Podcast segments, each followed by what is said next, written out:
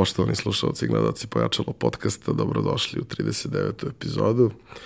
Ja sam vaš domaćin Ivan Minić, a danas ispunjavamo želju nekoliko naših slušalaca i meni je neverovatna čast da mi danas gost bude Vladimir Stojković Faške, jedan od osnivača i da kažemo glavni tehnolog uh, Dogma Pivari. Faške, dobrodošao. Hvala na pozivu, pleasure is mine, što bi rekli, i meni je velika čast da budem deo ove tvoje priče. Imali smo pre nekoliko epizoda uh, Radoslava koji je pričao o specialty kafi kao fenomenu, pa više i ne samo fenomenu, već kao globalnom trendu. I na neki način ideja nam je bila da probamo da, da, da sada uh, ispričamo istu priču za pivo. Jer realno kraft pivarstvo je od nečega što je bio trend u, u trenutku, više eksperiment malog broja ljudi, sada je to već postala prilično, prilično ozbiljna i prilično vidljiva priča. Zašto ti? Zato što si ti jedan od, od redkih ljudi koji tu spaja i znanje, tehnologiju i sve što uz to ide, a i deo je cele priče koja je neophodna da, da, da se napravi sve što treba. Dakle, ti si i lice, ali ti si i čovek u laboratoriji što, što mislim da je značajno. E sad, dobro, kad je Faški bio mali, čime je Faški hteo da se bavi i kako je uopšte došao na ideju da bi ovo nešto moglo da bude, da bude prava stvar? Pa taj mali Faški prvorođen je na istoku ove zemlje, u gradu poznatom po uh, zlatu i bakru, u Majdanpeku i negde, kada, kada sada razmislim sa, sa ove distance, uh, ne mogu da povežem, da povežem tog nekog klinca iz rudarskog grada i prehrambenu tehnologiju, ali negde se, negde se tu, tu prelomilo pri odlučivanju u osmom razredu, pričao s Čalitom i Kevom, odlučivali smo o tome gde ću ja da nastavim školovanje. Nisam želeo da ostanem uh, tada, 95. godine u, u Majdanpeku, da budem u gimnaziji ili tehničkoj školi. Jednostavno nije me zanimalo. Želeo sam da, da, da naučim nešto novo. Bila je tu i priča o potencijalno o sportskoj gimnaziji, s obzirom da sam trenirao basket, ali eto, ipak sam bio tada u to vreme dete, dete ovaj, uh, rudara i nisam mogao da se probijem kao, kao neko ko, iako je imao perspektiva nastup i u McDonald's ligi tada i u, u, u tim lokalnim takmičenjima. Jednostavno razočarao sam se u situaciju u sportu. Rešio da ipak ostavimo mi sportsku gimnaziju i da, da negde pogledam šta je nešto što može da bude interesantno u budućnosti. Čali Keva su kažem, e, ljudi sa srednjom stručnom spremom, e, e, radnici u tom rudniku Bakra Majdanpek, i, ali su ipak dovoljno bili elokventni dovoljno su, dovoljno su razmišljali o, o mojoj budućnosti da smo negde u jednom trenutku došli do ideje da možda ja krenem da se školujem za prehrambenog tehničara. Imao sam dve opcije, Negotin i Požarevac. Već sam tada bio zacrtao sigurno, sigurno ću to krenuti, uvek mi je išla, u osnovnoj školi sam bio uh, Vukovac, zanimala me hemija, znao sam da, da dobro baratam uh, prirodnim naukama i negde pada odluka da to bude Negotin i nakon četiri godine srednjeg školovanja u, u Negotinu odlučujem negde na razgovoru sa razrednim starešinom pred odlazak na poljoprivredni fakultet ovde u Zemun, to je pred dolazak ovde, u zadnjem razgovoru sa razrednim starešinom da nas on pita kakvi su vam planovi, šta ćete sada raditi u budućnosti, koji vam je cilj kada, kada završite sa školovanjem, meni je u glavi bila mikropivara i to je to jednostavno, tada sam već u srednjoj školi krenuo da pijem pivo, svidao mi se kao napitak. E, još uvek smo tada mogli da za neke nove stvari saznajemo e, putem e, televizije ili, ili određenih časopisa. Igrom slučaja sam se bavio i izdavanjem fanzina sa mojim hardcore punk drugarima i negde i tu sakupljao neke informacije kada su razni bendovi dolazili iz, iz sveta ovde, donosili su neka piva, ja se zainteresovao za to i u glavi su mi tad bile mikropivare tipa Brauhausa u Nemačkoj, tih klasičnih, klasičnih uh, lokalnih pivara ili u Češkoj. I ja sam to sebi negde zacrtao, čučalo je, završio fakultet ovde, nakon toga krenuo da, da radim, diplomirao na pivu, ali krenuo da radim u, u jednoj destileriji, zato što iskreno nisam ni jurio, da se zaposlim u nekoj uh, velikoj korporaciji, u nekoj velikoj industrijskoj pivari, jednostavno nije me zanimao taj, taj vid, uh, taj vid uh, ostvarivanja sebe, već sam želeo da budem uključen u neku malu šaržu i eto, igrom, igrom slučaja pojavio se, pojavio se čovjek sa fakulteta koji mi je rekao jedna destilerija traži mladog tehnologa, da li bi krenuo? Ja rekao, da, sve to okej. Okay.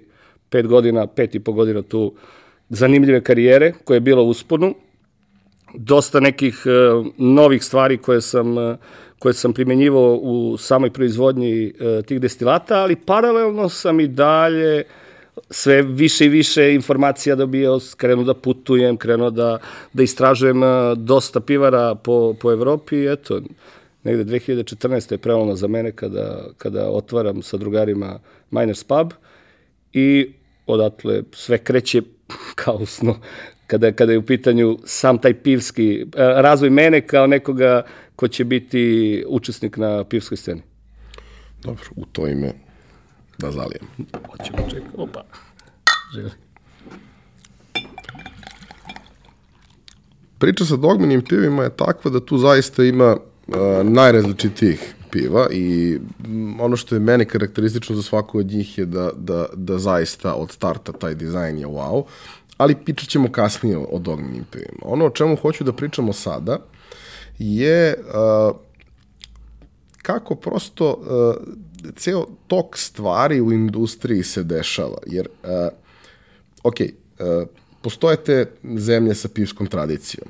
I, mislim, svako ko voli pivo, ako je bio u Češkoj, ako je bio u Nemačkoj, ako je bio u Belgiji, ako je bio u Luksemburgu, negde tu, jednostavno nije mogao proći, da ne proba neko lokalno sjajno pivo koje onako nije jeftino, ali kad ga probaš jasno ti je zašto košta toliko koliko košta.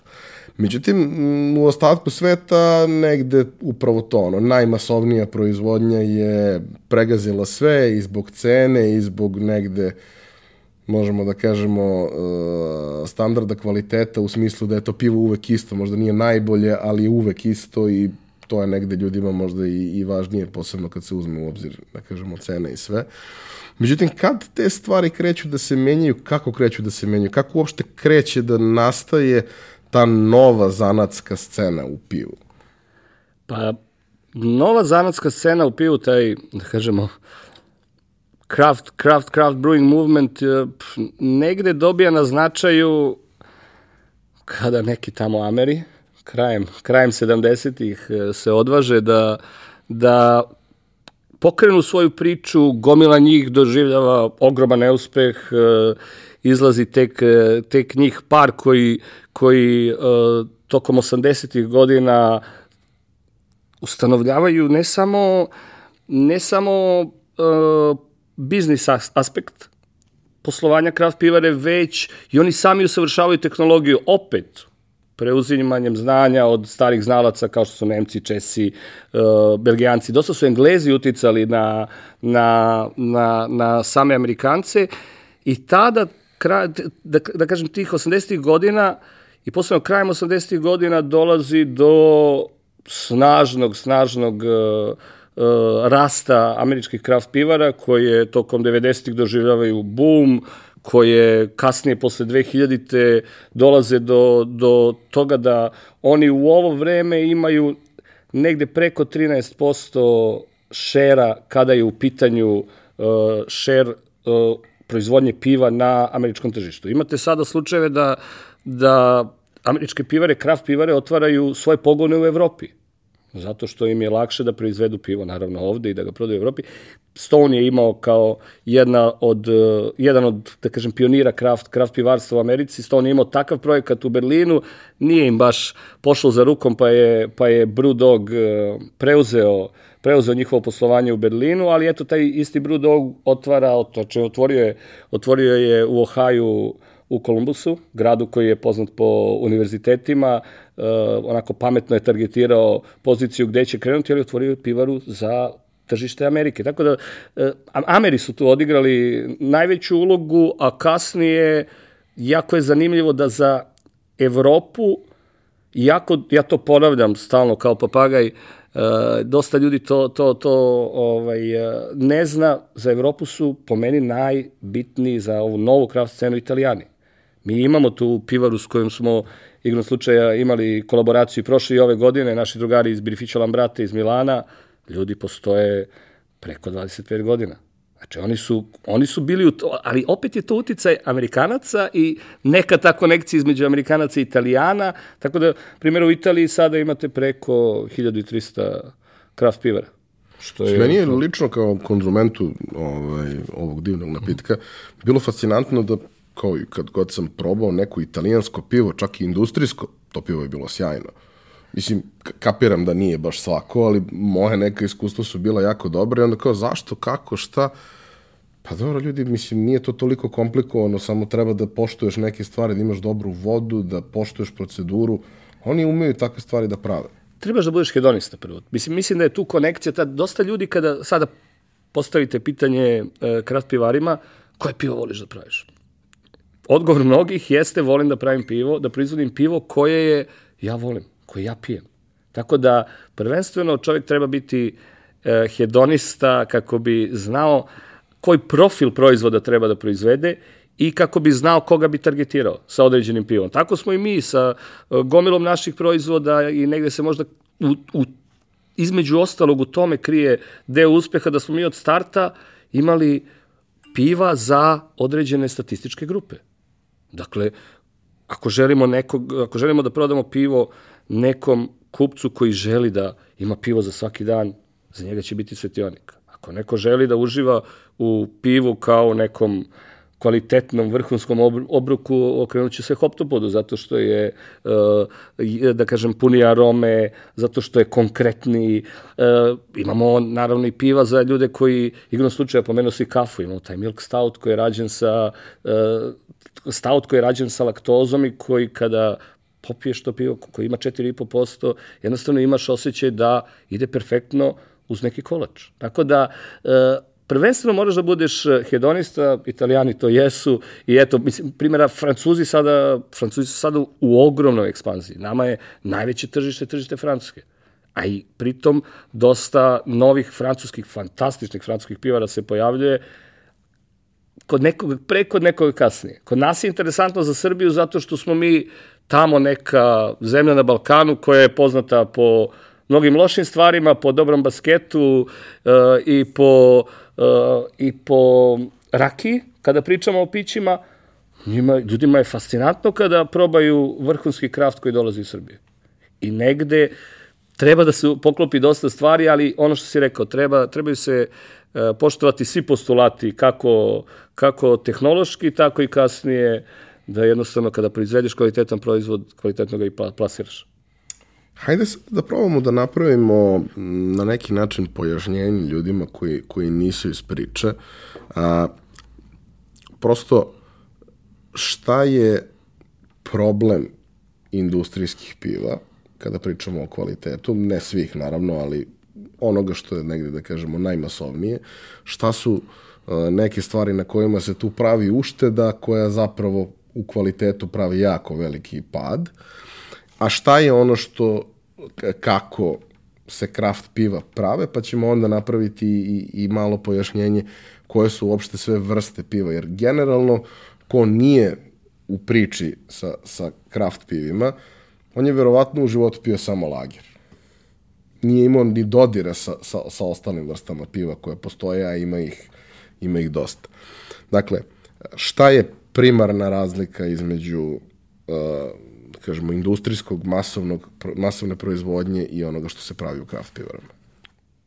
Lako može da se napravi paralela između svega što je konfekcijski i što je mala šarža. To je prva stvar. A ono što je konfekcijski opet zbog uštede, zbog zbog tog, tog takozvanog ranmana mora da se okrene nekom, nekoj sirovini koja je jeftinija. Tako, naš zakon o pivu, kao i e, zakoni mnogih zemalja dozvoljavaju proizvodnju piva uz učešće 30-40, zavisno od, od toga kakve su regulative, 30-40% nesladovanih sirovina. Šta to znači? To znači da pored ječmenog slada koji je osnova proizvodnje piva, naravno tu postoji pšenični raženi koji se koriste u, u, u manjim e, dozama no, no, no ječmeni slad, a opet i ječmen ima gomilu podgrup, podgrupa.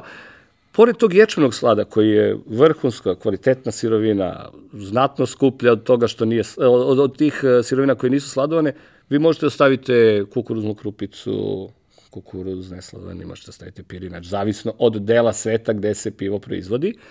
Samim tim spuštate cenu proizvoda. Ono što je isto jako, jako bitno za industrijske pivare jeste da su redke one koje koriste hmelj u onoj um, ne samo u količini, već i u obliku Kvalitet. kom, ne i kvalitetu, i u obliku kom mi koristimo.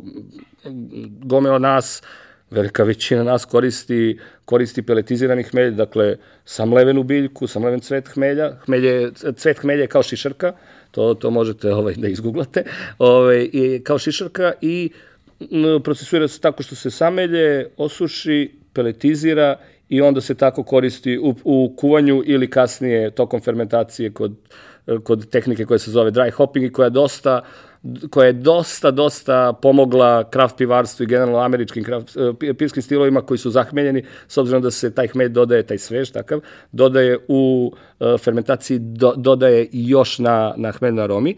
Ono što je isto jako bitno za indu, industrijalce jeste gomila procesa koji, kojima oni štite to pivo, a u stvari mu pod navodnicima, da kažem, onako plastično uzimaju dušu, poput uh, raznih uh, sredstava za stabilizaciju, za kon konzervisanje, poput pasterizacije, ono što je jako bitno i prvo što se pročita na ovoj etiketi, na deklaraciji jeste mutno, nefiltrirano i nepasterizovano pivo.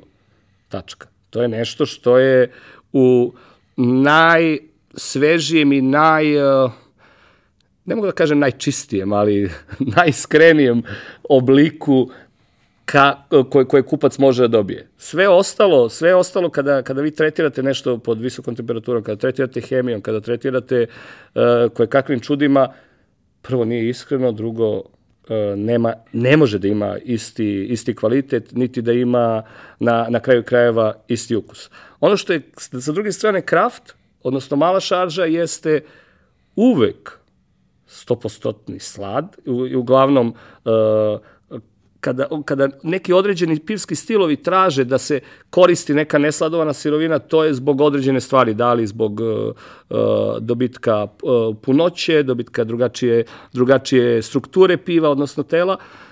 I ono što industrijske pivare često rade u poslednje vreme, pa pogledajte malo reklame, pre su se okretali, svi su pričali o vodi. Nisam teo da te prekinem kad si rekao italijani moraju da imaju dobru vodu.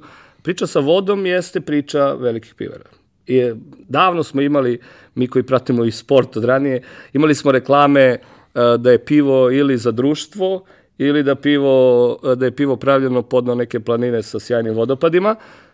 Ne, za pivo je bitno da imate kvalitetnu i vodu, kvalitetan slad, kvalitetan hmelj i povrh svega ta, ta, taj, taj živi stvor od koga sve zavisi u pivarstvu jeste kvasac. Tako da uh, ono, ono što Kraft uvek distancira od uh, industrije jeste i skreni pristup i jeste ono što možete da pročitati na deklaraciji. Sada, gomila industrijskih pivara sve češće govori 100% ječmeni slad. Oni to pre nisu stavljali u prvi plan zato što jednostavno... Da, čak ima i slučajeva gde se odabere, po, napravi se podvrsta piva u kojoj se kaže, evo, a ovo je isto, ali je premium zato što nije dodao. a šta je onda ono prvo? Mislim, tako da, e, kažem, paralele su takve da mogu da se podvuku konfekcija versus mala šarža i, i tu, tu stvari mogu da budu jasne, a posebno mogu da budu jasne kada vi tokom jedne sesije popijete nekoliko ovih piva ili nekoliko nekih piva koje su poprilično uh, istretirana raznim, ra, raznim stvarima i kada jednostavno uh, imate problem ne samo sutradan, kada se probudite i kada ste uh, bez tečnosti u sebi, kada ste totalno dehidri, dehidrirani i mamorni, već i tokom sesije znate da, da, ovaj, da zakažete kada, kada malo preterate sa industrijskim pivom. Jako je zanimljivo sada da, da mi kao kraft pivari pomeramo malo i, i menjamo svest nekoga ko tamo odlučuje u tim industrijskim pivarama, jer jednostavno sa pojavom ovakvog nivoa proizvoda i oni kao uh, veliki igrači koji brinu o svojim, naravno, uh, kupcima, moraju da izbacuju takve premium proizvode i da jednostavno probaju da se dodvore nekim, nekoj grupi hedonista koja bi možda probala ovo pivo, ali je čula da je to nekako previše aromatično, da ima previše hmelja, da je previše ovako, da je previše teško, tako da sviđa mi se što, što naše postojanje, pored toga što u Srbiji ne toliko, ali kažem svuda u Evropi i u svetu kolege uzimaju sve veći šer uh, velikim pivarama. Drago mi je što ovde bar utičemo na to da ćete vi sada u reklamama velikih pivara videti i hmelju nekoj ruci i sladu nekoj ruci. Jedna pivara će reći da koristi čak četiri ječmena slada za svoje pivo. Mi u ovom imamo četiri. U jednom nekom specijalnom pivu imamo sedam vrsta ječmenog slada. Razumete? Tako da, tu, tu, to, mi je, to mi je jako drago i vidjet ćemo dokle će nas odvesti, odvesti ta igranka. Ono što je meni bilo fascinantno kao konzumentu je što, uh, a to inače može kod vas, ako se dogovori napred, mogu ljudi da dođu, da vide proizvodnju, nauče kako šta funkcioniše, što je super. Ja sam bio kroz projekat Moja firma, da se upoznamo, vidim to sve, ono, meni je negde i porodično nasledđe, ovaj, i roditelji su mi radili u, u pivari nekako mi to sve bilo zanimljivo, ja sam video i te velike proizvodnje tada koje su onako bile prilično old school i sve.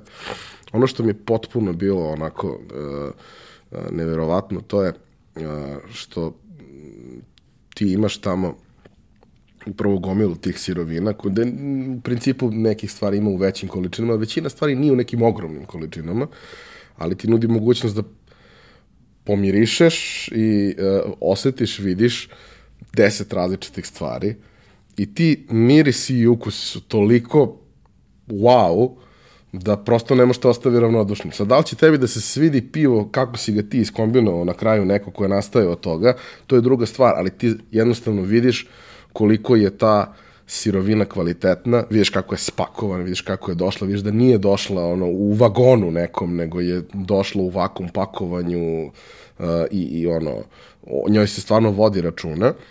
I to mi je bilo fascinantno kad sam vidio zapravo, uh, uh, kad ulaziš u tako neku čudnu priču, mislim, ne, ne može bude da nije čudna ako se baviš zanatskim pivom. Ili... Suvi mazohizam.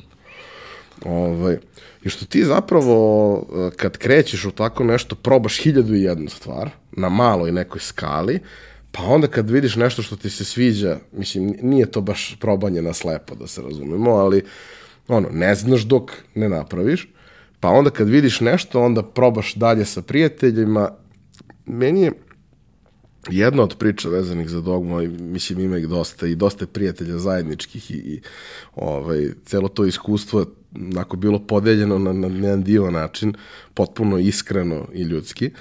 A, jedna od stvari mi je to kako ste tražili prve ukuse, odnosno, da kažemo, prve vrste piva za koje ste se odlučili i volao bih ako možeš da podeliš ono kad to kreće, kako to kreće, jer jedna od stvari vezana za kraft pivarstvo je taj trenutak kad ono, gomila nekih prijatelja što bliskih, što po Facebooku, kreće ono u dvorištu da pravi neko pivo jer je negde nešto našao recepturu, kupilo neke sirovine, nešto. Ja sam uglavnom izbjegao da probam to, moram da priznam. Ovaj, ali da ono da sam bio deo priče tad da sam da si mi ponudio ti tvoje moro to bih morao bi, moro bi, da, da za prijatelje se radi i gore stvari. Kako si ti prosto krenuo u, u, u tu priču?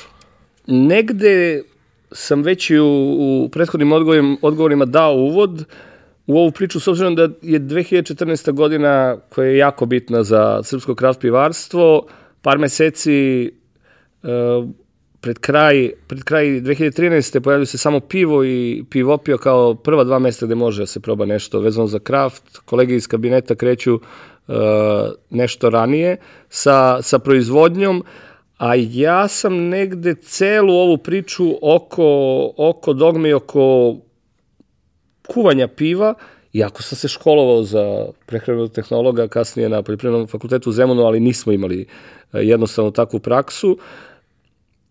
Krećem negde 2012. da, da se bavim kućnim pivarstvom, prvo u Zemunu, posle kod mog uh, dobrog drugara i uh, nekadašnje kolege Boška, takođe u Zemunu, ali prvo sam bio na 16. spratu, posle kod njega u podrumu, ovaj, nije baš izgledalo kao da ću se vinuti ponovo u visine, ali tada krećem da kuvam da kuvam, da kuvam piva, uglavnom ove američke stilove, Setionik i Hoptopod su ono, volume, volume, volume one. Krenuli su iz prvih tura koje sam kuvao i negde sam njih sve vreme usavršavao jer sam želeo da, da, da napravim nešto što je stvarno pivo za određenu statističku grupu, kako i rekao hranije.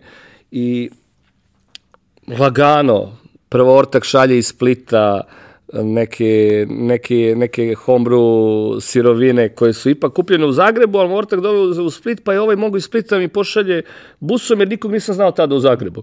Primjera radi. Pa se otvara onda majstor za pivo, uh, otvara se i šop moje pivo u Zemunu i lagano ja krećem da, da bauljam po svim uh, mogućim forumima, tada je i Hrvatska imala sjajan, uh, sjajan, sjajan forum i, i dalje sada Hrvatska ima sjajne kućne pivare, ima odlično to njihovo homebrew prvenstvo koje se održava svake godine u junu i rađa mnoge, mnoge buduće kvalitetne, kvalitetne zanatske pivare. I lagano krećem da, da smaram sve ortake iz različitih društvenih struktura, da ih okupljam i na raznim seansama, da li im ja dolazim na gajbu sa rancem punim piva i naravno degustacionim listićima sa kojima sam ih smarao da jednostavno moraju da napišu uzorak 001, takav, takav, takav. I negde dobijam presek da Hoptopod osvaja srca mnogih. Jednostavno, nekima je previše ekstrema, nekima je ovakav, nekima je onakav. I sećam se da sam u starom samo pivu, koje je još bilo ovamo iza, iza ateljeja, istimao Ogija, Slobodana i Matarog da mi daju kao jedan termin da okupim sada ja nekih 20 ljudi tu i tu sam imao i neku ekipu iz golf kluba s obzirom da sam uh, nešto, nešto radio i volontirao za golf klub Beograd. Uh, znači imao sam ljude od 18 do 50 i nešto godina, da kažem, i tada sam odradio zadnju, zadnju degustaciju i dobio potvrdu svega onoga što sam već godinu, dve unazad, unazad isprobavao i onda sam prestao sa tim smaranjem. onda sam krenuo da neke nove recepte gradim, ali sam se mnogo više bacio na izradu biznis plana, na davanje cele svoje ušteđevine profesionalcu koji koji, koji se uh, bavi tim poslom i negde 2014. kada krećem da sa Minersom već uh, završavam priču u, u toj destileriji, negde 2015. već to dolazi na svoje i pada dogovor. E sad, uh, tu postoji mnogo nekih vrsta piva. Ja sam ih probao, ne znam, šest, sedam različitih, mada su neke podvrste, neke veće vrste. Ali bih volao da ti probaš da napraviš neki presek, e, da približiš ljudima koliko je to moguće, šta je šta i šta u kojoj varijanti ima smisla da se proba. Možeš da daš i neke predstavnike tih vrsta piva i vaše, a i neke koji su ovako relevantni glavna stvar kada, mislim, i kada pogledate, izgooglate na, na, na netu da vidite koje su to vrste piva, dobit ćete jedan grafikon u kome vidite dve glavne porodice. To su porodice lager piva i porodice ale, ale piva. Razlikuju se u nek, sa nekoliko aspekata. Prvi jeste taj da se koriste drugačiji soj kvasca, gde kod lager piva Uh, taj kvasac tokom fermentacije pada na dno fermentora, dok kod ale, ale piva taj uh, soj kvasca odlazi na površinu, ale piva fermentišu na višoj temperaturi, zato su samim tim i bez sad nekih tehnika hmeljenja ili ne znam nija čega dodavanjem raznih sastojaka aromatičnija po samoj prirodi, jer čim, čim nešto živi i fermentiše taj kvasac na višoj temperaturi, njegovi nus proizvodi će biti aromatični. S druge strane, lager uh, lager kvasci fermentišu na nižoj temperaturi i ta piva su samim tim, zašto se i zovu lager, zato što se lageruju duži proces proizvodnje u odnosu na, na ova ale piva i sama struktura ukusa je mnogo mirnija, hajde tako da kažem. Sada, od lagera, vi od lagera možete imati i crveni i crni i ne znam kakav lager sa, sa, sa kakvim karakteristikama možete imati dimljeno pivo koje je lager pivo, samo zato što je korišćena tehnologija proizvodnja lager piva i soj kvasca, a ono što je vezano za kraft pivarstvo i negde što je postalo sinonim za kraft pivarstvo jeste proizvodnja elova. Opet, to je nasleđe UK-a koje su preuzeli Amerikanci u UK-u. Vi nemate vi nemate lagere. Imate sada kada postoje ovi konglomerati koji u svom portfoliju, pored piva koja su popularne u Engleskoj, od tih nekih uh, uh, kask ili relay mogu da vam izbaci neki lager. Što se tiče samih hejlova, tu je sada dijapazon poprilično širok, čak se javljaju i neki novi stilovi, jedan od novih stilova je Italian, uh, Italian Grey Pale, to je opet utica Italijana koji, koji, su, koji su opet Amerikanci nekako bustovali i vi imate delove, delove Amerike gde je Italian Grey Pale najpopularniji pivski stil. I sada, kada, možete, kada, kada bi se radila neka, neka para, paralela gde možete popijete ale, gde lager, Nemačka je uglavnom, kao i Češka, zemlja lagera, dok su UK, Belgija, ovo govorim sada o tim, da kažem, tradicionalnim pivskim školama, predstavnici uh, elova. Tako da, s te strane, ako hoćete, mislim, u Belgiji ne možete jednostavno, većina ljudi proizvodi, većina pivara proizvodi isključivo elove, čak i ti blondovi, dubel, triple, triple piva ili, ili quadruple piva, to su sve uh, iz ove druge porodice piva elova, koji su mnogo zastupljeni u kraftu, ali sada kako je jednostavno nekada ponestane inspiracije da se kreiraju novi trendovi, tada, tada se ljudi vraćaju ka korenima i eto i mi smo sada skuvali jedan, jedan nemački pilsner, ali sa nekom, nekim našim twistom gde smo uh, umesto da koristimo te tradicionalne nemačke hmeljeve, iskoristili ovaj jedan koji se mnogo više koristi za elove mandarina Bavarija i dali opet tom pivu i tom pivskom stilu nešto drugo. A kaži mi, mislim, ja sam probao i neka malo egzotičnija kraft piva. Upravo probao sam i, i ovaj koji ste Milk Stout koji ste mm -hmm. pravili. Probao sam i ta neka koja su aj, kažemo nekako, mislim, strukturno potpuno drugačija, imaju te neke citruse, mnogo više citruse, imaju razne neke dodatne stvari koje, koje, koje ustoji. To su neke sigurno, verovatno, mikrovrste, podvrste svega toga. Šta tu ima što je onako interesantno? Pa dobro, do, dosta, dosta su interesantna sour piva koja će kod nas, hm, ne znam, ne znam kada će se primiti, jednostavno to je opet kulturološka stvar. Mi smo naviknuti... Ljudi ne vole ovde ni gorko ni kiselo.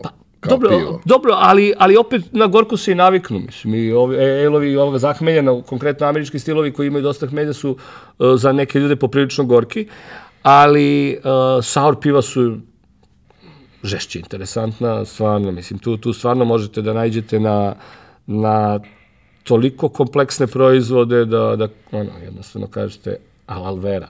Postoje pivare u Belgiji koje, koje rade lambik piva i koje rade blend tih lambik piva sa uh, iz različitih godina koje su koja te vode na putovanje, koje jednostavno, koja te jednostavno odvedu na farmu sa koje je iskorišćen da li neki sezon kvasac ili, ili e, e, iz vazduha pokupljena neka bret bakterija koja se koristi u, u, u samom procesu proizvodnje, ali od tih, da kažemo, egzotičnih, ja sam, ja sam ipak veliki, veliki fan Gozea. Goze je stari nemački stil piva, iz uh, okoline Leipciga iz 13. veka i to je u pitanju je slano i kiselo pivo. Mi smo sada sa Birfićom Lambrate skuvali uh, Just a Berry Goze, koji, je, koji, je, uh, koji smo dodali pored uh, tog laktobacilusa koji se koristi, mlečne bakterije, koje se koristi za fermentaciju, dodali i crnu ribizlu i Josta Berry, voće za koje sam prvi put čuo u Srbiji, a postoje odgajivači uh, podnovrtnja i na kraju smo dobili pivo koje je poprilično popularno u Evropi kod naših uvoznika. Tako da to su to su ovaj neki neke stvari naravno ima ima ima dosta dosta piva sa dodatkom raznog voća ljudi stavljaju neka piva i mančmelo verovali ili ne ali to još nisam uspeo da probam Sad, jedna od stvari koja e, vrlo često svoje vremena dok sam pričao sa ocem o pivu, e, je bio taj moment, e, mi pravimo prehrambeni proizvod. Dakle, ima sve te neke karakteristike koje nisu baš jednostavne.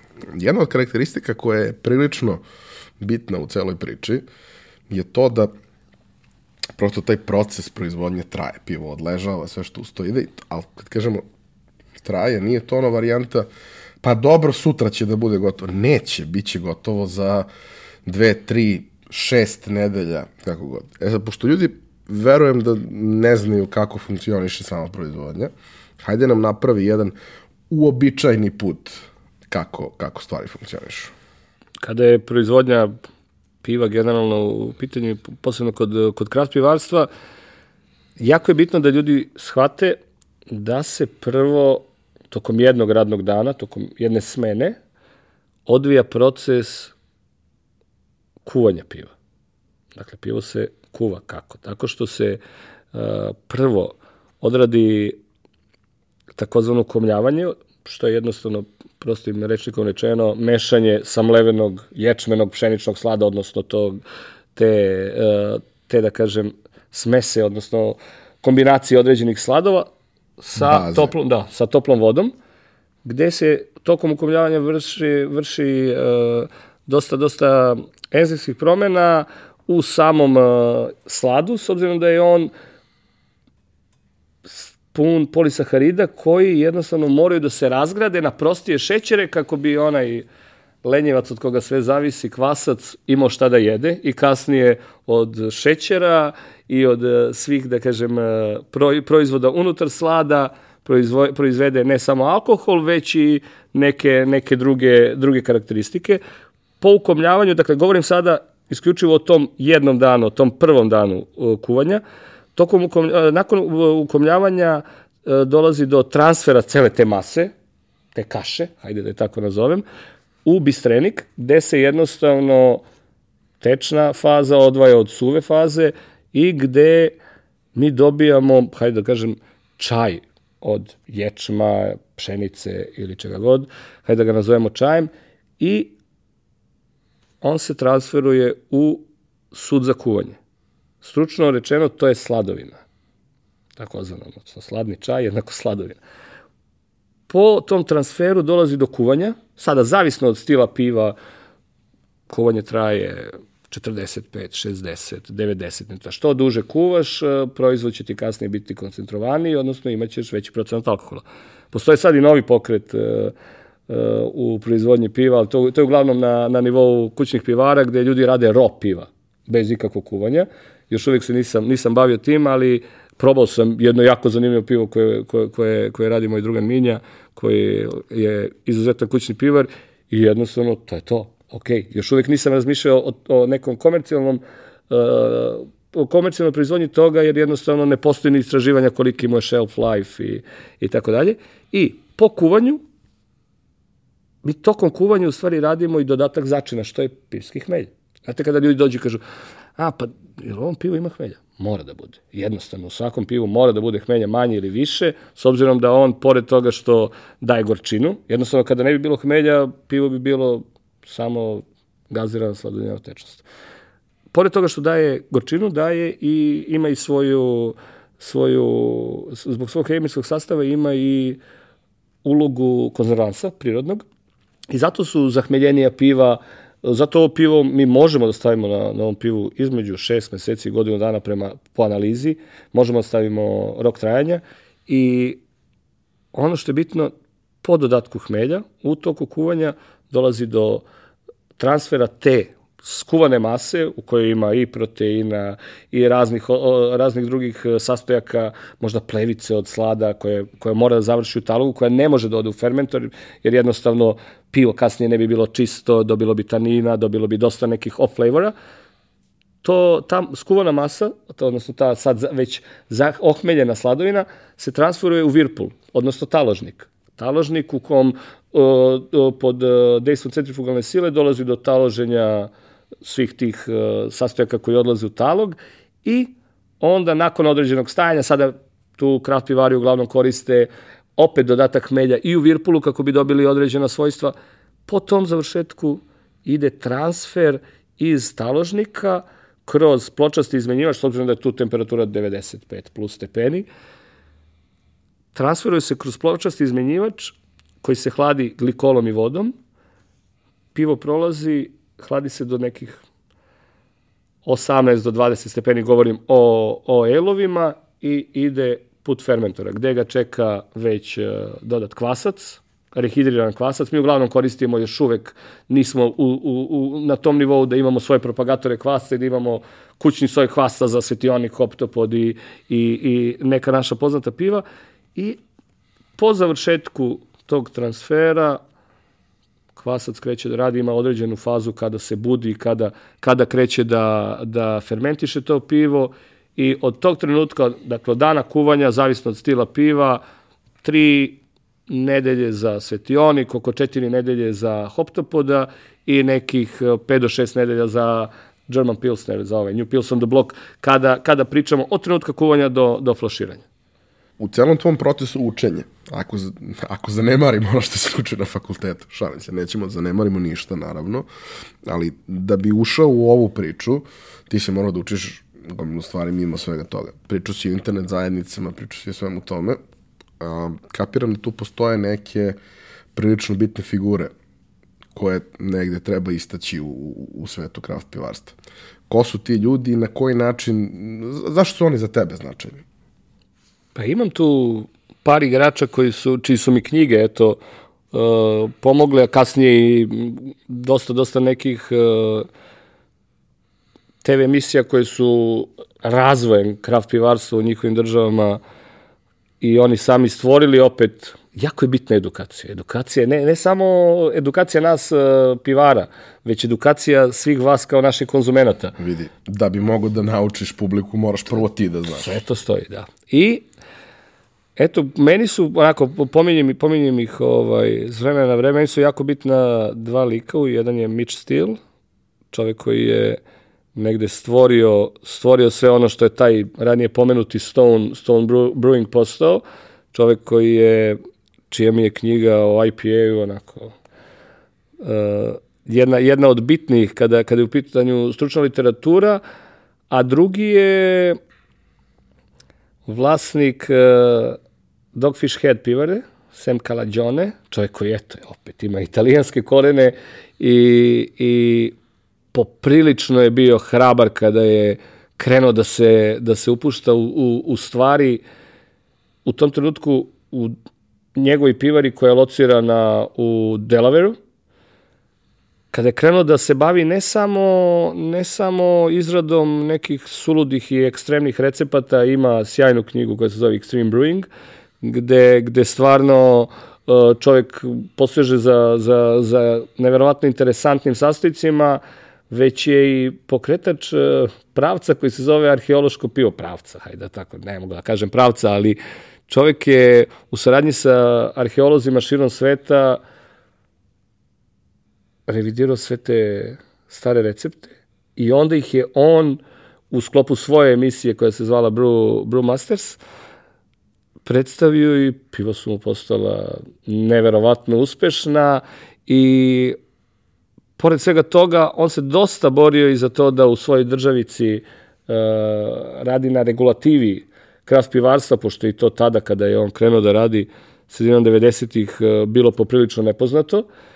I negde jedna od njegovih isto zanimljivih knjiga jeste uh, Brewing Up a Business, gde je dosta pričao o tome kako se treba ophoditi prema e, zaposlenima, kako treba, na, na šta treba paziti, koje su zamke e, tog entrepreneurshipa, te reči koja, koja, koja ovaj, lomi jezik.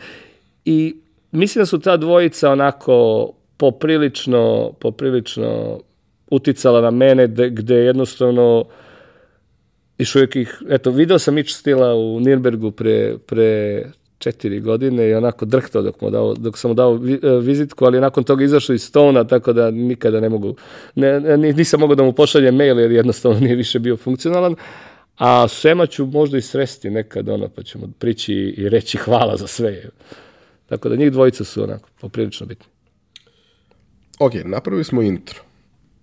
A sad da pričamo o poslu, pošto super je sve to, volim i ja razne čudne stvari, ali hajde malo da pričamo o tome kako se od ovoga pravi posao, jer mislim da je posebno interesantno to što, što je negde i, i ovaj, e, sa Radoslovom kad smo pričali bilo dominantno, to je ti ok, postoje začetak nečeg, u njegovom slučaju nije postojao ni začetak, ali kao postoji začetak tržišta, ali ti u suštini moraš da praviš tržište, moraš i da se razvijaš, a baviš se nečem što mora da se planira malo zbiljnije, jer nije to, ne, dobro, ispeći ću sutra 30 hlebova, pa ako preko sutra bude trebalo 35, onda ću ispeći 35, a ti ovde moraš mesec dana unapred ili više da znaš šta se, kako se dešava.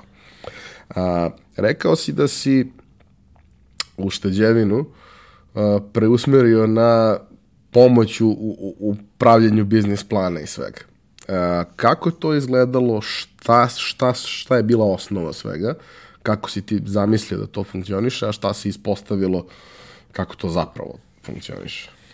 Pa s obzirom da sam dosta, dosta vremena od stavljanja Srbije na beli Schengen ovaj, iskoristio da rancem obilazim, obilazim pivare širom Evrope i stičem iskustva tih, tih kolega i slušam ih, mogao sam da pred sam start i pred izradu eto, biznis plana negde da vidim kako, ko, kako je ko krenuo. Neki su krenuli totalno hazarderski, ali opstali na kraju, uspeli da se izmigolje, dok je veći deo njih ima u glavi šta treba tom njihovom tržištu ili šta će im jednostavno trebati, sve na osnovu toga kakve su navike potrošača, kakva se hrana jede, kakve, kakav je, kakav je, uh, uh, kakva je demografska slika uh, tog tržišta i negde sam imao sebi zacrtano da će se u nekoj tamo mojoj budućoj pivari stvari vrteti oko 3-4 core range proizvoda koji će donositi plate zaposlenima i, i, stabilnost. i stabilnost, da, i, i kasnije e, napraviti, da kažem, stvoriti, stvoriti imidž kompanije koja zna šta radi i koja zna koji proizvod donosi i u kakvom, na kakvom nivou kvaliteta. I negde sam se vrteo oko te filozofije da 3-4 core range e, proizvoda i u ovom slučaju kraft pivarstva tih sezonskih piva. Jer jednostavno leti nećete popiti baš tamno pivo od 7% alkohola ili ne znam ni ja, nećete piti summer ale u, u, u sred nove godine. Tako da tu sam već imao dosta nekih smernica i stvarno, mislim, meni je, imam, imam par ljudi kojima sam neizmerno zahvalan na, na odgovorima, na strpljenju i na odgovorima na mailove na najgluplja moguća pitanja. Jako glupa pitanja ne postoje, ali nekad jednostavno smatrao, smatrao sam da kao, o, možda je ovo glupo, možda je glupo da Simone iscima za ovo, kao Simone, izvini, ali treba mi odgovor i na ovo pitanje. Tako da, e, dosta, dosta su mi pomagali, pomagale kolege iz e, nekih evropskih kraft pivara i ideja je bila takva i eto, ideja se pokazala kao, kao dobra, jer jednostavno ako vi nemate par stabilnih igrača koji, kada govorimo o, o proizvodima, koji će vas gurati napred i koji će postati sinonim za firmu kakav je, eto, naš Hoptopod postao za dogmu, jednostavno bez toga, ako previše šarate u ovakvom, u ovakvom biznisu koji je i onako osuđena dinamičnost, jednostavno možete da se izgubite. Ja, moraš da imaš dobar vezni red. to, uvek. Uh, kada ste krenuli, krenuli ste, uh, prvo, često prva faza za, za, za ljude koji kreću u craft pivarstvo je gypsy brewing. Gypsy brewing je kada koristiš tuđu proizvodnju da napraviš svoj proizvod, napravite dogovor, ti iznajmiš faktički nečiju proizvodnju da ne bi pravio svoju i to je često dobro rešenje i za neki ono što kažu probni balon da vidiš da li ljudi reaguju na to. Međutim, ne možeš da praviš ozbiljnu priču na taj način. A, treba da kreneš u proizvodnju nečega, za to je potreban prostor, za to su potrebne sirovine, za to su potrebne mašine, alati, za to je potrebno, da kažemo, potrebno i neko ljudstvo i sve, ali svega toga u principu ovde nema, jer to u principu nije nikom trebalo. Kako ste vi uopšte ono, odradili celu priču da biste mogli da postavite to na zdrave noge od starta? To jeste bila velika investicija, ali je bilo preduslov da se bilo šta dalje desi. Kako? Pa pazi, to sada kada kažeš velika investicija, kada bih upoređivao sa, sa istim kapacitetom sa kojim smo mi startovali i sa identičnim kvalitetom opreme mi smo prošli ovako. Sali, sali, o, o, srp, srpska je oprema. U pitanju je, da je, su srpski proizvođači opreme i to je nešto što kada sam ili kada sprovedem neko kroz pivaru ili kada se radi o brewery tour kod nas, kada kažem da jednostavno imamo srpsku opremu i da sve ovo što vidite ovde jeste proizvedeno od strane nekih uh, srpskih uh, majstora, tu je opet splet, uh, splet i srećnih okolnosti, možda neke sudbine i toga što sam malo više razmišljao unapred kada je u pitanju sama oprema. Znao sam da jednostavno, ako krenemo sa kraft, kraft pivarom, ovde u Srbiji neko će morati da proizvede opremu. Ok, obilazio sajmove, video da ti Nemci i Česi prodaju određeni kvalitet uz mnogo tradicije, mnogo ti tradicije valjaju tu i neko, neko ime, da ti da možeš da kupiš opremu i od Slovaka ili od Bugara koji rade inox, inox je inox. Inox je magični materijal i ne znam, ne znam, stalno, stalno kada razgovaram tako sa kolegama ili sa bilo kim koji ima veze sa materijalima ili s nekim mašincima, zapitam se, ne znam, mislim, nisam čuo da je neko dobio Nobelovu nagradu za, za izmišljanje inoksa, ali to je, to je taj materijal koji, bez koga proizvodnja hrane ne bi bila moguća. I onda vidio sam da italijani mogu da ti prodaju picikat opremu, da ti naprave kao Ferrari, ali znaju da te iseku. I igrom slučaja imao sam, e, eto, opet nekog tamo prijatelja koji je imao neke crteže, malo sam se konsultovao sa pametnima od mene, da li ovi crteži uh, mogu da pomognu kada je u pitanju takva i takva proizvodnja, takva i takva veličina šarže, otišao, ja sam otišao pet puta kod čoveka sa pet različitih potencijalnih investitora, pa me prvog puta čovek gledao, naš proizvođač opreme, gledao me kao klinca koji je došao sa štajge, ono, sa, sa rancem i koji ga je pitao za neku lovu, a ne kao čoveka koji će mu biti u ovom trenutku glavni maneken sa njegovom pivarom i glavni maneken za njega i, i njegovu proizvodnju opreme. Tako da, toga nije bilo 2000 krajem 2015. kada sam dogovarao posao, ali verovao sam u te neke naše ljude, s obzirom da sam video šta rade, video sam da rade opremu za vinarije, mlekare Na sličnih stvari, samo se ne koriste za pivo, ali je, to može ne, da se prilagodi. Ali jednostavno može, može da se, ali posebno kada rade po crtežima, ako rade, ako imaju takozvani mikrobiološki vari, ako imaju sertifikat da mogu da rade za, ako mogu da rade za mleko koje koji je izuzetno nežan, nežan proizvod i, i poprilično nežna tehnologija za, uh, za, za izvestije, onda mogu i ovo, bez problema. I tako, mic po mic mi dođe smo do toga da, eto, sada imamo 48.000 litara u fermentorima od istog proizvođača iz Srbije, gde imamo jednog proizvođača koji nam je, koji je iskoristio dokumentaciju Kineza koji su iskopirali Amerikance, primjera za pranje i punjenje kegova, gde, gde imamo punilicu za flaše koju je proizvela domaća firma koja postoji 25 godina, otac i sin. Radili su najrazličite stvari, nisu radili nikada pivo, ali su uz neke moje impute i, i, i neko njihovo iskustvo napravili sjajnu punilicu za, za flašice i igrom slučaja sada nam stiže prva, prva velika mašina koja nema veze sa Srbijom, ali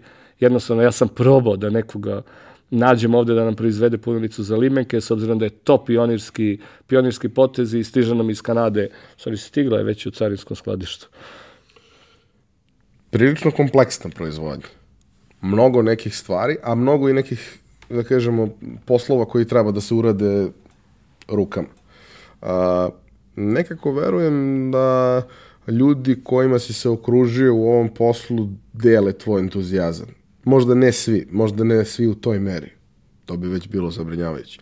Ovaj, ali na neki način verujem da su to ljudi kojima je zaista stalo do toga i svaka mala firma, Dogma više nije toliko mala, ali nije ni mnogo velika počiva negde na, na sjajnim ljudima.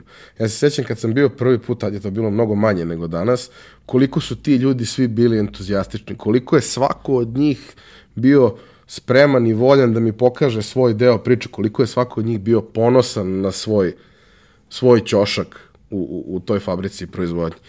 Ko su ti ljudi? Pa imao sam skoro pitanje koji ljudi rade u dogmi. Ja sam rekao vredni i pošteni. I mladi.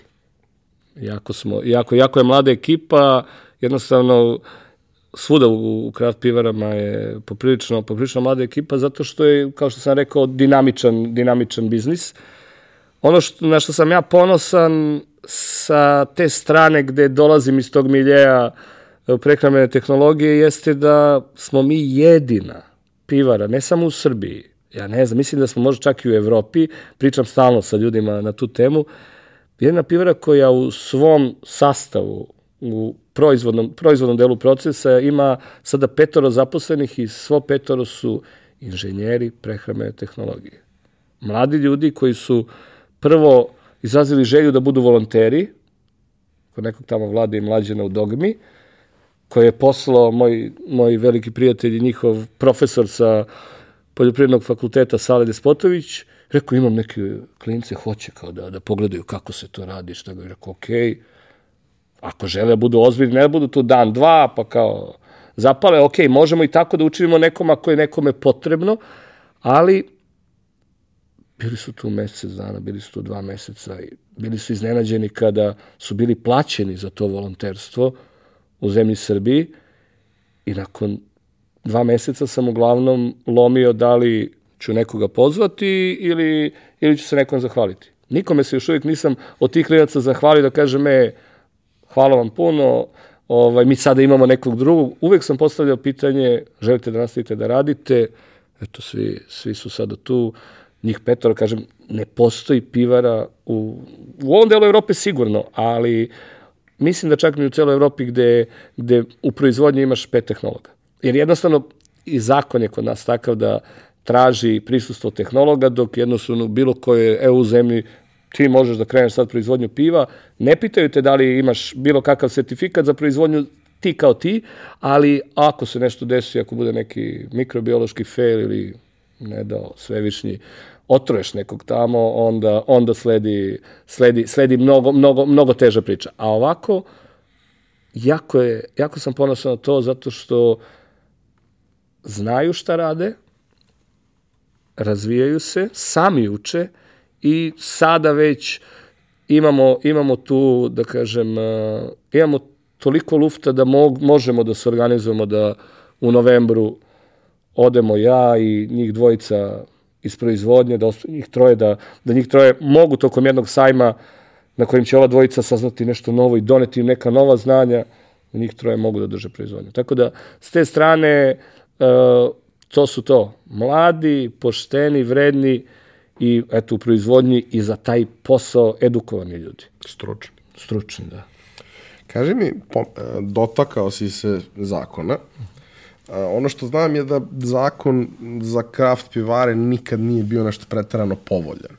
Nije tu sad bilo nekih ogromnih prepreka, ali ni na koji način, da kažemo, ljudi koji se bave zanatski time, visoko kvalitetnim granom toga svega, nisu povlašćeni u odnosu na velike proizvođače, pritom veliki proizvođači su tu, ja se sećam jednog primjera, tih sigurno imaš više, volao bi da ih podeliš, ja se sećam jednog primjera, to je šta spada u svetla piva, a šta ne i da su faktički sva kraft piva klasifikovana kao tamna jer je promenjena promenjena skala, odnosno promenjeno je od kog podeoka skale se ocenjuje kao svetlo, nekad je to bilo, ne znam, prvih pet, a sad su samo prva dva i to je malte ne ono... Ne, to ti je, to ti je pitanje boje, pitanje boje se definiše jedinicama za boju.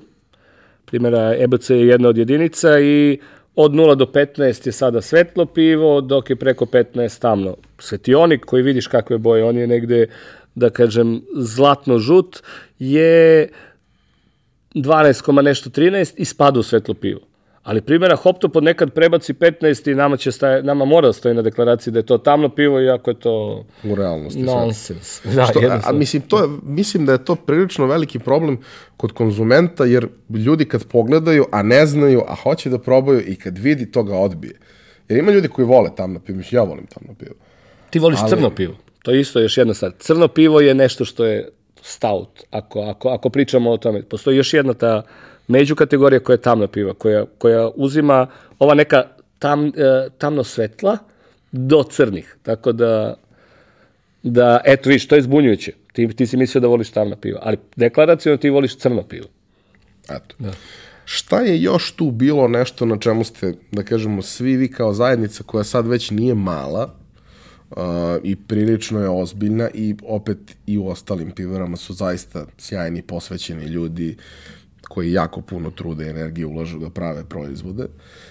Šta je nešto na čemu ste vi pokušali da, da radite i gde ste uopšte došli sa tim? Pa prvo mi imamo, mi registrovani proizvođači piva u ministarstvu, u registru proizvođača Ministarstva poljoprivredne imamo udruženje malih i nezavisnih pivara i sve više dobijamo novih članova. Evo, pre par dana je stigao mail da, da primimo još tri nova člana, za koje je uslov da imaju svoju opremu, odnosno da imaju svoj objekt, svoju opremu, svoju opremu u nekom objektu, da li je njihov ili garantiraju i e, da jednostavno prođu kontrolu Ministarstva poljoprivrede.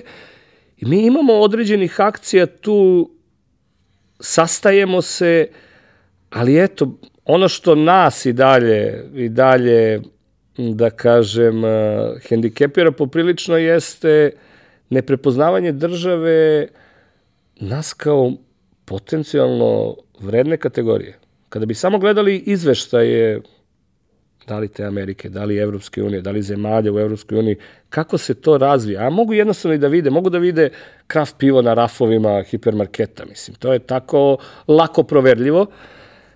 E, nešto što nas baš, baš ovaj, hendikepira jeste primjera to, ta iznos akcize. Mi plaćamo identičnu akcizu kao veliki igrači. Identično. Nemamo nikakvo skaliranje. Uh, poslali smo predlog kao udruženje krajem prošle godine. Ministarstvo financija, odbijeni smo.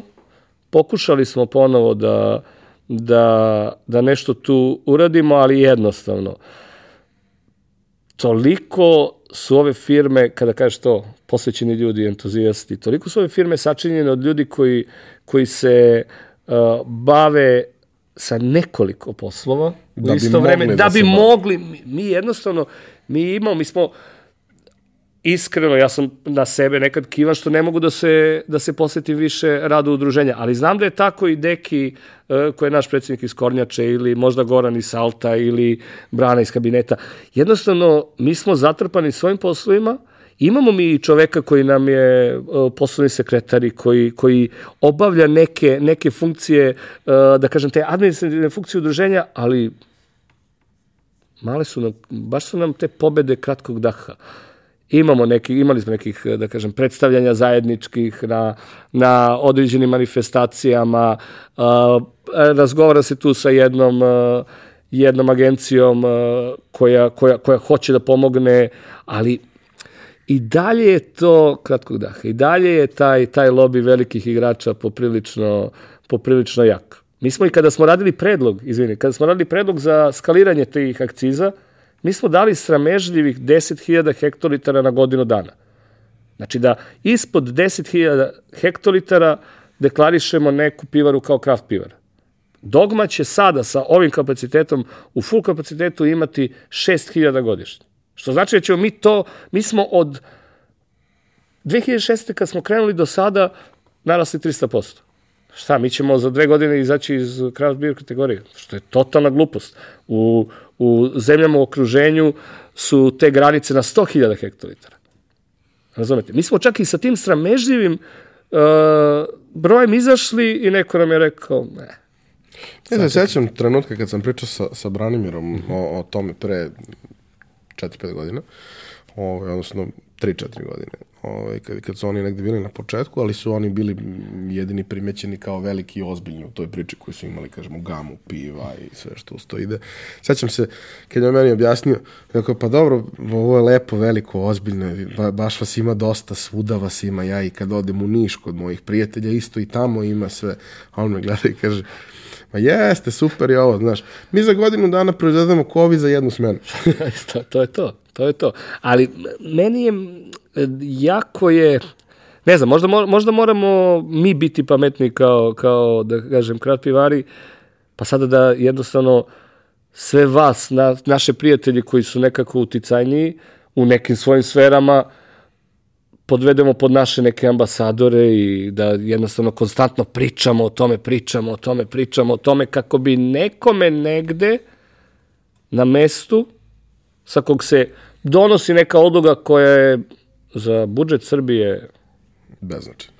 Totalno beznačajna. Da se neko tu trgne i kaže čekaj, ovim klincima, ovim bradonjama što kuvaju pivo, možda stvarno treba pomoći. Možda je stvarno ta dogma predstavlja tu Srbiju svuda širom Evrope. Možda je ta dogma sa tih 80.000 litara izvezenog prošle godine, ove godine će vjerojatno otići preko stotke, kao naš najveći izvoznik krafta i kao predstavnik te Srbije na Barcelona Beer Festivalu, u Londonu na Kraft Beer Festivalu, u nekom uh, Venraju kod Eindhovena ili u Rimu kroz par nedelja, možda je to stvarno neka firma koja jednostavno treba određenu pomoć. I ne samo ona, već ceo taj esnaf koji stvarno, uh, em što donosi dobar proizvod, em čini ljude veselim. Kada se već držimo biznisa kao teme, ok, dotakli smo se udruženja, u redu. Ono što mislim da, da nismo obradili, a mislim da je jako važno, to je zapravo kako uh, ti napraviš nešto i to je dobro. I ti si faške, tebe zna dosta ljudi, oni će doći, probati, otvorio si to, doći će par stotina ljudi, hiljada ljudi će doći probati, ali to nije biznis, to, je, to su prijatelji. Prijatelji prijatelja i tako dalje. Da bi to opstalo, tu mora da se napravi nekakav konstantan ciklus koji se dešava.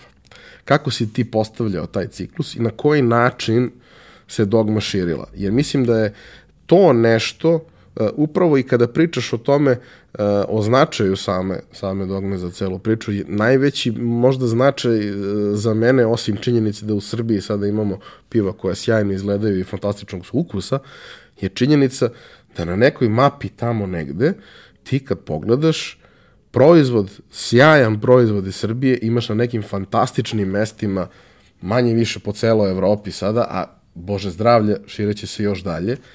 I što je to postalo nešto što, što uh, jedna od redkih zajednica koja je zapravo otvorena da se međusobno pomaže na nivou kontinenta, na nivou sveta, je možda sjajna prilika da i vi i drugi proizvođači sa ovih prostora odu dalje. E sad, kako ste vi to krenuli? Kako ste vi to osmislili? Ti si obilazio, već si imao neke kontakte, to je neki polazak, ali šta se zapravo dešavalo?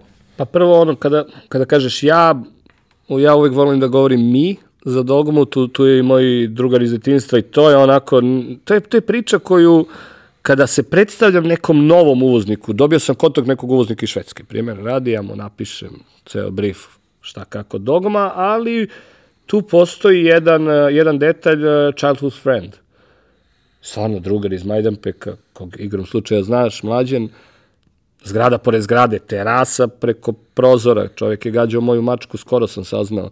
Ovaj, toliko smo, toliko smo, ovaj, toliko smo, znaš, od, odrasli smo zajedno, igrom slučaja se tako nekako, ne znam, stvarno da li sudbina ili šta god, nekako su se poklopile stvari da smo mi 2015. napravili dogovor i zajedno ušli u ovo. I sada, čovjek koji dolazi iz nekog marketing miljeja e, sa dosta, dosta uh, business wise um, pogleda na svet, sa, sa mnogo više uh, um, da kažem discipline kada je u pitanju taj biznis, uh, biznis model no ja, a ja ono, entuzijasta, uh, čovjek koji može da priča do preko sutra o nečemu što voli i neko ko opet, eto, zna dosta ljudi i nekako ima socijalnih veština tako da će uvek upoznavati neke nove ljude, jednostavno treba imati, treba ono, kao kad kaže Nikola Žigić, nije nas pogledao Bog, ovaj, trebate pogledati nekad nešto, treba, trebaju, trebaju ti leri doći, doći ovaj, uh, jedan na drugi. Tako smo mi od samog starta, od samog starta našeg poslovanja, od prve ture koja je izašla iz dogme, krenuli ne samo lokal, već i onako, lagano global kroz ex republike odmah sa izvozom. Znači, ideja je odmah bila da jednostavno nećemo biti isključivo pivara za Beograd, pivara za Srbiju, pivara za naše ortake, jer to jednostavno nema smisla, to je simulacija, simulacija biznisa i za mene nekako trošenje, trošenje ovaj, života u jednom delu. Odmah smo krenuli sa, sa izvozom i stvar je organska poprilično posećivanje raznih festivala, gde, gde nisi pozvan kao učesnik, već si samo, samo posetilac, gledanje, praćenje trendova, upoznavanje nekih novih ljudi, uh, sklapanje prijateljstava sa tim ljudima koji ti odmah otvore neka vrata koja bi ti morao da otvaraš sa sijaset mailova, sa... Uvek ne znam, se čudni ljudi nekako prepoznaju, međusobno i dobro se skontaju. nekako, nekako je to, nekako je to stvarno neobjašnjivo, ali jednostavno očigledno mora tako. Moraš A... da odvojiš ozbiljnu količinu vremena za te aktivnosti. Naravno, naravno, kažem ti, jednostavno to, ti jednostavno moraš da sada spakuješ, odeš u tu neku Varšavu, na Varšava Craft Beer Festival, gde pored tebe ima još 70 poljskih pivara, gde imaš 10 e, distributera koji rade etablirane već brendove u, u svetu kraft pivarstva, da imaš super nastup, ali da ti se posle toga niko ne javi. Ali nema veze sve okej. Okay. U jednom trenutku će se javiti jedan čovek koji će reći, ok, probao sam tvoje pivo, evo me sad u Beogradu, mogu da dođem do pivare, da pogledam kako to izgleda i možda ga dobiješ već sledećeg dana. Kada on vidi koliko je to ozbiljno, to što radiš, koliko ti to predano radiš i, i da ga uveriš da jednostavno misliš na dosta stvari. Kvalitet proizvoda, razvoj, kada si pričao o tome, to nije da se napravi za jedan dan. To treba planirati neko vreme. Mi smo i naše širenje radili tako što se proširimo u kapacitetu, odvojimo određen buffer zone, gde ne radimo full kapacitet tri meseca, šest meseci od trenutka širenja, ali je pokazalo se ali u evo tih, ne, ali, ali pokazalo se u ova, eto, ta tri širenja velika, da jednostavno postoje panika nekad, postala bi panika da nisi to uzeo pre šest meseci. Tako da, dosta stvari učimo. Ja isto volim da kažem da sada kada bismo eto, radili pivaru, a imagine siguran sam da će to reći da sada bi znali kako bi je spakovali odmah. Ne bi bilo toliko uh, tog trial and error momenta, ali jednostavno u tome, u tome i draž ove priče. Dobro, imali ste ozbiljan rast. Uh, prosto iz godine u godinu ta priča izgleda i sve ozbiljnije i tu je i tap room koji je postao stvarno mesto okupljanja ljudi što kažu otvoren je Ada Mall, ali ljudi su se vrlo blizu okupljali pre nego što je otvoren. Ovaj, gde ste napravili super priču i sada sa, sa ozbiljnijom klopom i onaj prostor ispred je sređen, stvarno je lepo, tokom letnjih meseci možda jedno od, od lepših mesta da, da provedeš onaj smire dana i, i, i celu tu priču. A, šta su naredni koraci za, za dogmu? Šta su neki racionalni naredni koraci, a šta su neki željeni perspektivi naredni koraci? Pa racionalni, oni, oni da kažemo, pipljivi koraci, e, prvi, taj, prvi korak jeste, i to je ozbiljna misija, taj, rekao ti, pionirski, pionirski poduhvat, da investiramo u, u našu punilicu za limenke, s obzirom da smo mi sa tim projektom sa limenkama krenuli novembar prošle godine, tako da pričali smo prošle godine, pričali, pričali smo skoro o tome, bio je novembar prošle godine, tu nam je dosta pomogao ball packaging i ball packaging nam tu, tu izlazi u susret i njima je jako bitna uh, kategorija kraft, kraft pivarstva i limenki, s obzirom da je to najnormalnija stvar u svetu, evo skoro, skoro kada sam posvetio taj London Craft Beer Festival, nisam video pivo u flašici, sem da je u pitanju neki barrel aged e, ili imperial stout ili neki specijal koji bi morao da bude u flaši jer je prethodno bio, bio u, u buretu. I kažem, već smo krenuli sa tim procesom uh, sa limenkama, ali smo koristili uh, usluge naših prijatelja iz Hrvatske sa, sa punovicom manje kapaciteta i eto, odlučili smo se sada da investiramo lepu cifru u proizvodni, proizvodni, proizvodni pogon za punjenje limenki, u pitanju je firma iz Kanade, Kask, i to će negde kroz dve nedelje biti instalirano, gde sada počinje onaj drugi deo a to je opet ta edukacija. A edukacija vezana za pivo u limenci je nešto gde stvarno moramo da zagrizemo ozbiljno, gde jednostavno moramo ljudima da objasnimo da, posebno za ova kraft piva koja su, kako rekao, mutna, nefiltrirana, nepasterizovana, limenka predstavlja mnogo bolji ambalažni materijal, nema uticaja svetla, manje je takozvani oxygen pickup gde dolazi do, do, do ulaska kiselnika pri, u fazi punjenja uh, Uh, gde shelf life je bolji, gde je jednostavno za naše uvoznike i distributere mnogo bolje uh, da, da posluju sa limenkama, posebno na tržištima gde je sve to razvijeno, ali, kažem, za Srbiju edukacija, edukacija, edukacija i prvi konkretan korak tu jeste sada već definisani Super Can Fest koji ćemo raditi 2. novembra u, u našem te prumu gde ćemo jednostavno ugasiti točilice, neće se točiti pivo sa točilica, već će uh, nekih 10 do 15 pivara, još čekam neke potvrde, predstaviti iz Evrope, predstaviti svoje pivo isključivo u, u limenkama, gde ćemo imati taj konferencijski deo koji će biti open za, za, za javnost i za, i za ljubitelje kraft piva i za naše kolege i za vlasnike pubova i šopova, gde će onako pametni ljudi iz te industrije objasniti nekoliko stvari vezanih za, za limenku kao ambalažni materijal. Dakle, to je neki,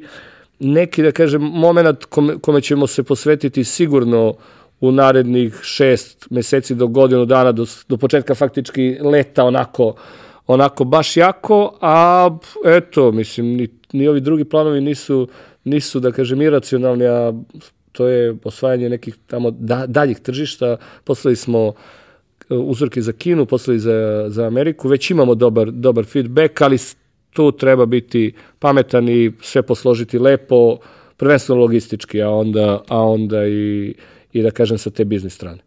Za kraj bih voleo da podeliš sa nama, ako možeš, to sam imao sa nekoliko prethodnih gostiju, ovaj, ti neki momenti kad uzmeš da se baviš nečim što, što je čudno, ovaj, što voliš da radiš i gde ono, koliko god ti negde verovao u sebe, bio siguran u svoje znanje, a teško da možeš baš da budeš mnogo siguran u svoje znanje dok se mnoge stvari ne potvrde tržišno. Ali kad to voliš, radiš ti to, znaš, i bez feedbacka ti to radiš. Ali taj trenutak kad dobiješ feedback od nekoga ko u tvom slučaju ima veliku specifičnu težinu, kada ti on kaže dečko, ne znam ko si, ne znam šta si, ali ovo što si napravio je odlično, ili znam ko si i šta si, ti si onaj momak što pravi ovo, ili neka takva situacija, to su ono trenuci kada te napuni da narednih ko zna koliko godina guraš zid i dalje i pokušavaš da napraviš nešto. Kad se tebi to desilo i koje su neki trenuci koji su tebi bili posebno značajni na ovom putu?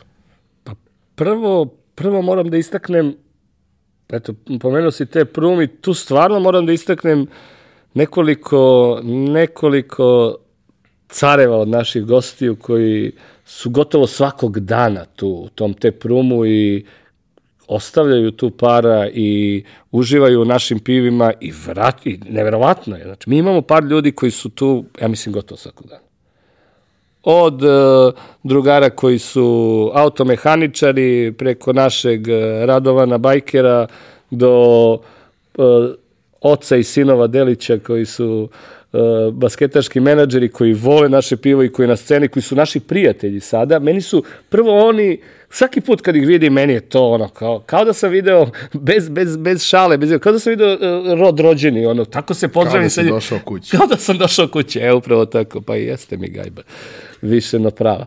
Ovaj, I oni su mi stvarno prva fascinacija i to mi je ono, kao uvek kada, kada vidim, kao, koliko god izgorim u toku dana zbog sijaset nekih stvari koje i ovaj biznis nosi i, i, i nekih, nekih, da kažem, taskova koji moraju da se reše, kad njih vidim, meni je to ono, kao, to je to i da, to, to je to, oni su tu, on, oni su stvarno ljudi koji te, koji te, ovako, koji ti nabace osmeh na lice, a ajde da kažem, kada, kada pričamo o profesionalnom momentu i o nečemu što, što nikada neću da zaboravim za života, to je situacija u kojoj mi moj drugar, sad već drugar Matt iz uh, Pivare Flying Dog, sa kojom smo prošle godine napravili tu neverovatnu, ono, istorijsku, ja mislim, kolaboraciju. Za sve koji ne znaju, kolaboracija je saradnja dve, dve pivare na izgradnji jednog recepta i, i, i na kraju na proizvodnji, proizvodnji nekad i na zajedničkom plasmanu tog piva. Mi smo imali Flying Dog pivaru koja već postoji poput Birrificio Lambrate Italijana, postoji u Americi nekih 25 godina i čovjek je došao ovde, bio je prvo šokiran kako, gde, gde je došao, prvo je sama priča bila luda kako smo, kako smo ih ovaj, našli. Došao, video šta radimo, probao naša piva i nikad neću zaboravim, sedi u, u samo pivu, cirka hoptopoda i kaže Vlad, if you make this like 50 to 60% of your production, you're nailed it, you know. Yeah, that, that's the thing. You're finished. That's it. Kad je takav čovjek, takva faca u svetu pivarstva kaže da je tvoj proizvod odličan, mislim da je to samo trenutak kad ti je stvarno toplo oko srca. Ne kaješ se što si ušao u priču? Nikad. Ne. E pa dobro, Faški. Drago mi je što si bio, a vi, ovaj, poštovani slušalci i gledalci, dobili ste ono što ste tražili i uvek ćemo se potruditi kada možemo da izađemo u susret svakoj vašoj želji i ideji. Upoznali ste Fašketa. Kada odete u Dogma Teprum, potražite ga tamo. Ako želite da saznate nešto o pivu, mimo ovoga što smo pričali ovde, on je prava osoba koja zaista uvek izdvoji vreme, pokaže, ako hoćete da vidite kako izgleda proizvodnja, i to je opcija, javite se na vreme. Na neki način, osim što hoćemo da predstavimo industriju, odnosno nije to ni industrija, to je esnaf, ovaj, u kome si, uh, hoćemo i da pokušamo da edukujemo ljude, da im pokažemo zašto to vredi, zašto ti vanserijski proizvodi, uh, zašto to majstorstvo, zašto te sirovine, zašto svaka od tih stvari na neki način mora da košta, ali donosi jednu vrednost koja je, koja je mnogo veća nego bilo šta drugo. I zašto je bolje popiti jedno ovo pivo nego potrošiti na četiri neka koja jednostavno nije trebalo da unesete u svoj organizam. Hvala ti puno na svemu što smo, što smo pričali. Uh, biće, nadam se, prilike ovaj, uskoro da se vidimo i kod vas. Obećavam da ću da dođem na, na Ken Fest, jer je to ono, jedna od stvari kad sam bio klinac koja mi je bila najfascinantnija kako se prave limenke zatvaraju. Sećam se da mi je dugo godina ono, nezatvorena limenka bila pernica na stolu. A vi, kao i do sad, pišite, komentarišite, lajkujte, delite, da pokušamo da dođemo do što većeg broja ljudi da ih inspirišemo, a sav feedback koji nam pošaljete pokušat ćemo da izađemo u suzret, pokušat ćemo da od ove priče napravimo nešto još bolje. Hvala. Hvala tebi. Hvala vama.